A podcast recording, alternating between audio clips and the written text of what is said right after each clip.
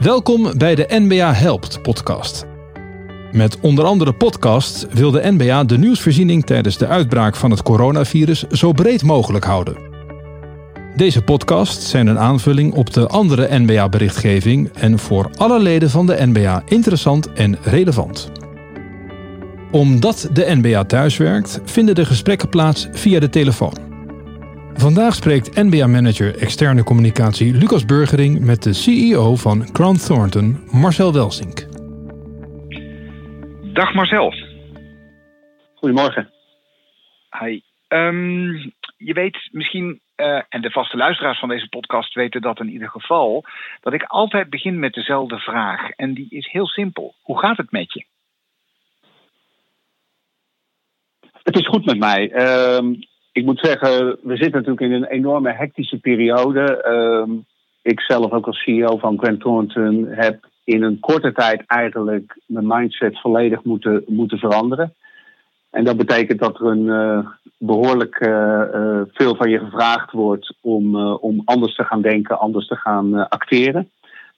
maar ik moet zeggen dat dat heel goed gaat. En gelukkig gaat het persoonlijk ook gezondheid. En met mijn familie, met mijn gezin gaat het gewoon goed. Dus dat, dat geeft uiteindelijk een mooie, stabiele basis om, uh, uh, om, om in deze situatie te kunnen, uh, te kunnen acteren. Ehm, want het, het houden van rust en overzicht is, is uiteindelijk natuurlijk belangrijk als CEO om daarmee mee, mee om te kunnen gaan. Natuurlijk. en werk je veel thuis?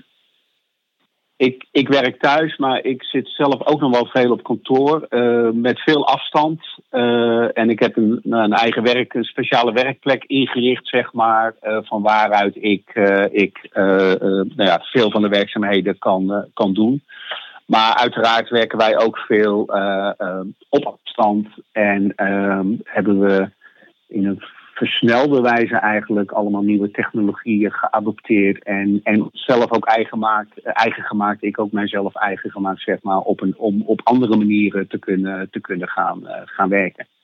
En, um, en dat maakt uiteindelijk de, de, de omstandigheden ook wel weer um, interessant en uitdagend.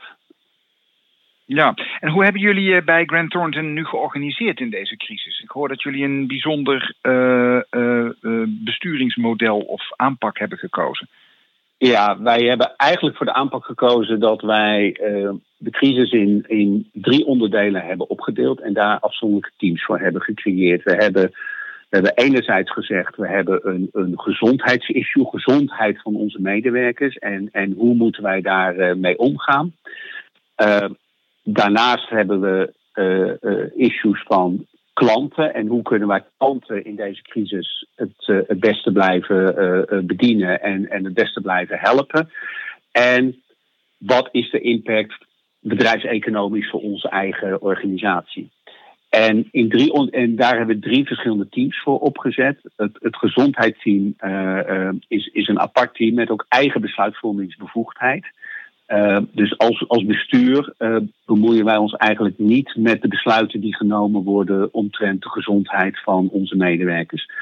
Um, en daarmee. Je een voorbeeld van geven, Marcel, van zo'n zo'n zo'n soort besluit? Nou, bijvoorbeeld het, het, het, het, het besluit, hè, als, als op een gegeven moment uh, vanuit de overheid komt, uh, er moet meer thuisgewerkt gaan worden, dan, dan moet er meer thuisgewerkt gaan worden. Uh, dat, dat is gewoon een besluit die het gezondheidsteam neemt. Hè besluiten over uh, houden we kantoren wel open, houden we kantoren niet open. Uh, allemaal, allemaal dat soort aspecten. Daarvan zeggen wij dat dat soort besluiten worden genomen door het, door het gezondheidsteam. Die, die hebben daar de bevoegdheid in om dat soort besluiten te nemen. Vervolgens kijkt het bedrijfseconomische team wat, wat is de impact van onze organisatie en welke maatregelen zouden we dan bedrijfseconomisch aanvullend moeten nemen, gegeven die, die specifieke omstandigheden. En, en dat maakt in, in onze visie in ieder geval dat we, dat we uh, heldere, maar ook enigszins onafhankelijke besluitvorming hebben op, op de verschillende, uh, verschillende aspecten.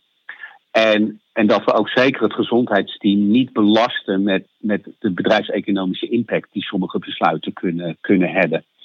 En, uh, ja, en wij, wij zijn er erg blij mee dat we daar op, op die manier voor gekozen hebben. En, en wij merken ook dat dat gewoon rust en transparantie geeft in, in de organisatie. Hè? Door, door het ook op deze drie, drie, in deze drie onderdelen te knippen. Um, hou je ook je communicatielijnen naar je medewerkers transparant. Gaan dingen niet door elkaar heen lopen. En, en, en weten ze ook veel beter uh, uh, waarover gecommuniceerd wordt. En, en, en wat de achtergronden zijn waarom we dat, dat, dat doen. Ja. Um, en, en, en dat geeft ons veel structuur, zeg maar. En, uh, en, en, en dat helpt uiteindelijk ook veel beter om, om uh, overleg te, om, om, om zeg maar de organisatie te blijven aansturen. Uh, daarnaast is het zo dat we natuurlijk als, als bestuur wel een crisisteam hebben. Wij, wij overleggen elke dag. Onze service line leaders, daar hebben we eens in de week een uitgebreide call mee. Dus, dus, dus we hebben wel structuren opgezet daarnaast, zeg maar, om, uh, om day-to-day -day operatie, operatie te, kunnen, te kunnen managen. Nou, ik denk dat het heel helder is op deze manier, heel helder georganiseerd. Um, je gaf al aan, er is een apart team, uh, je noemde die als tweede, die zich bezighoudt met issues bij de klanten. Uh, ja. Grant Thornton is een organisatie die zowel advies als uh, accountancy-diensten levert aan ja. met name familiebedrijven en MKB-bedrijven, denk ik. Ja, klopt. En um, zou je iets kunnen vertellen, Marcel, over de, uh, de issues waar uh, de klanten uit dit segment het meest tegenaan lopen? Ja, um, ook, ook dat zie je natuurlijk. Hè. De, uh, de eerste fase is natuurlijk, ja, wij, wij, wij noemen dat de klanten helpen grip te krijgen op, op, de, op, op de omstandigheden. En, dat is, en dat is de fase waar ze nou ja, vorige week, twee weken geleden in zaten van wat overkomt me, uh, uh, wat moet ik doen als ik mijn bedrijf moet sluiten, hoe doe ik dat, waar ben ik mee bezig. Dus dat is, dus dat is echt in die, in die eerste crisisfase, zeg maar, zijn dat de vragen waar, waar de klanten mee zitten. En je moet op dat moment ook al de klant inzicht gaan geven in, in de volgende fase, namelijk uh, je aanpassen aan de situatie. Dus, dus bijvoorbeeld, oh, dat was al een fase dat wij tegen klanten zeiden. Ga, ga opletten op je liquiditeit. Hè. De, de komende weken is liquiditeit key voor jouw organisatie. Hoe, hoe heb je dat georganiseerd? Terwijl je natuurlijk zag dat heel veel klanten ook op dat gezondheidsaspect zaten. Uh, proberen wij ze in, ook in die fase al wel mee te nemen in, in, de, in, in de volgende aspecten die belangrijk worden voor, uh, voor hun als, als organisatie. Je ziet nu natuurlijk een verschuiving ontstaan in, in, in het aandachtsgebied. Hè. Dus, dus nu zijn er heel veel vragen over de economische maatregelen die natuurlijk door de overheid worden genomen. Uh, ten aanzien van, van hoe omgaan met je medewerkers, hoe vraag je, hoe doe je je belastinguitstel, uh, hoe uh, kun je de, de, de, de, de, van je medewerkers gaan regelen. Uh, hoe ontwikkelen dat soort dingen zich? hoe ga je om met je bank? Hoe kun je je financiering uitstellen? Hoe kun je extra liquiditeit krijgen? dat, dat is nu de fase waar, waarin heel veel ondernemers zitten. En, en vervolgens zijn wij nu al aan het nadenken over onze klanten wat moet je overmorgen gaan doen? Hè? Hoe, hoe kun je van de omstandigheden waarin je nu zit uh, gebruik maken om je toekomstig businessmodel daar eventueel op, op aan te passen? Dus, Dan ben je dus, eigenlijk al bezig met continuïteit eh, op langere termijn. Continuïteit op langere termijn. Uh, wat, wat is goed aan wat je overkomt, zeg maar? Wat, wat, wat doe je nu wat je vooral ook moet vasthouden in, in de fase uh, als, als het coronavirus uh, voorbij is? En, um, en, en je nu ervaren hebt dat het, dat het uh, uh, positief kan bijdragen aan, het, uh, aan, aan je business, businessmodel. Dus op die manier proberen wij ook zeg maar, ja, een stap voor te blijven bij, bij de fases waarin de klant zelf zit. Dus enerzijds help je ze in de fase waar ze zelf zitten. Maar je probeert ze alvast ook wel mee te nemen naar die, naar die vervolgvragen die er uiteindelijk ook op het bordje van die CEO's van, van onze, onze bedrijven uh, uh, terechtkomen. Ja, begrijp ik. En heb je het gevoel dat klanten daarin, uh, omdat je duidelijk aangeeft, je probeert steeds ook een stap vooruit te denken, je probeert ook uh, dat perspectief zo goed mogelijk aan te geven. Heb je het gevoel dat klanten daar al voor openstaan en mee bezig zijn? zitten ze niet nog veel te veel in die, in die schok van de eerste dagen van wat overkomt ons nu allemaal? Ja, dat, dat, dat, zie je natuurlijk wel. Maar ik, je ziet ook wel echt klanten op een moment dat je het al wel ehm, begint aan te kaarten, zeg maar, dat, ze, dat het hun wel helpt om, uh, om daarover na te gaan denken. En, en je moet niet vergeten, ook wel bij veel van onze klanten, en ik heb er ook een aantal zelf gebeld, hè, uh, dat zijn ook CEO's die vaak op dit moment in een eenzame omstandigheden zitten. Uh, waar ook heel veel op hunzelf uh, afkomt en, en waar ze ook aan moeten mee zien te dealen. Ik heb, ik heb een klant aan de lijn gehad die zei: Nou, waarin ik simpel vroeg: Hoe gaat het met jou? Hij zegt: Ja, je bent de eerste die het aan me vraagt. Hoe het met hem persoonlijk gaat, zeg maar. Uh, maar als je, als je dan toch al zegt: van, joh, ga op je liquiditeit eh, letten. En, en in een volgende gesprek toch alvast zegt: van, joh, ga ook alvast nadenken hoe het overmorgen er bij jou uit moet zien. Ehm, dan merk ik hè, dat je hun helpt ook structuur aan te brengen in hun eigen denken en handelen. En, en dat ze niet alleen maar, alleen maar blijven hangen in, in de crisis van, van vandaag. Uh, uh, en en ik, wij denken, en ik denk dat het belangrijk is voor CEO's, dat, dat ze ook vooral ook al aan, uh, op, op, op een gegeven moment aan overmorgen gaan, gaan denken. Um, om, omdat dat kan bijdragen aan, uh, aan de gezondheid van hun organisatie uh, op de wat langere, langere termijn. Ja, nou, dat begrijp ik. Um, eigenlijk geef je ons twee belangrijke lessen mee. Eén is hoe je jezelf als organisatie moet organiseren. In, je hebt dat aangegeven in drie, in drie segmenten.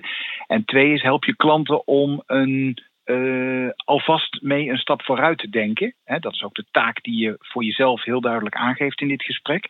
Zijn dat ook de belangrijkste tips die je aan andere accountants zou willen meegeven?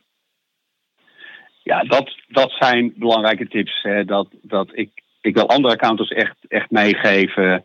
Um, probeer structuur te geven voor je klanten die vaak in eenzame posities zitten. Zeker, zeker ook in het MKB, waar natuurlijk ook heel veel bedrijven zijn die geen enorme grote stafdiensten hebben, waar gewoon heel veel terechtkomt op, op, op een beperkt aantal mensen die ook in een ja, enorme crisissituatie zitten waar ze nog nooit mee gedeeld hebben, zeg maar. Dus, dus hun helpen die structuur aan te brengen is, is denk ik eh, enorm, eh, enorm waardevol. Um, kijk, wij kunnen ons nu als accountants um, bewijzen en echt onze toegevoegde waarde leveren aan, aan onze, klanten. En, natuurlijk moeten we ook goed de jaarrekening controleren en, en, en daar de kwaliteit op niveau houden. Maar in het MKB-segment um, kunnen we nu van onschatbare waarde zijn om, uh, om, om onze klanten door, door deze uh, fase heen te helpen. En ik denk dat dat enorm, enorm belangrijk is. En ik wil ook echt als tip meegeven, en dat is, dat is iets wat ik ook dagelijks doe, blijf zorg houden voor je eigen medewerkers. Um, ik zelf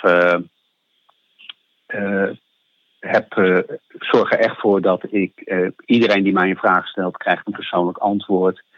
Iedereen waarvan ik weet dat er persoonlijke omstandigheden zijn, die bel ik. ik. Ik heb gisteren met een telefoniste van ons gesproken die de man was opgenomen in het ziekenhuis.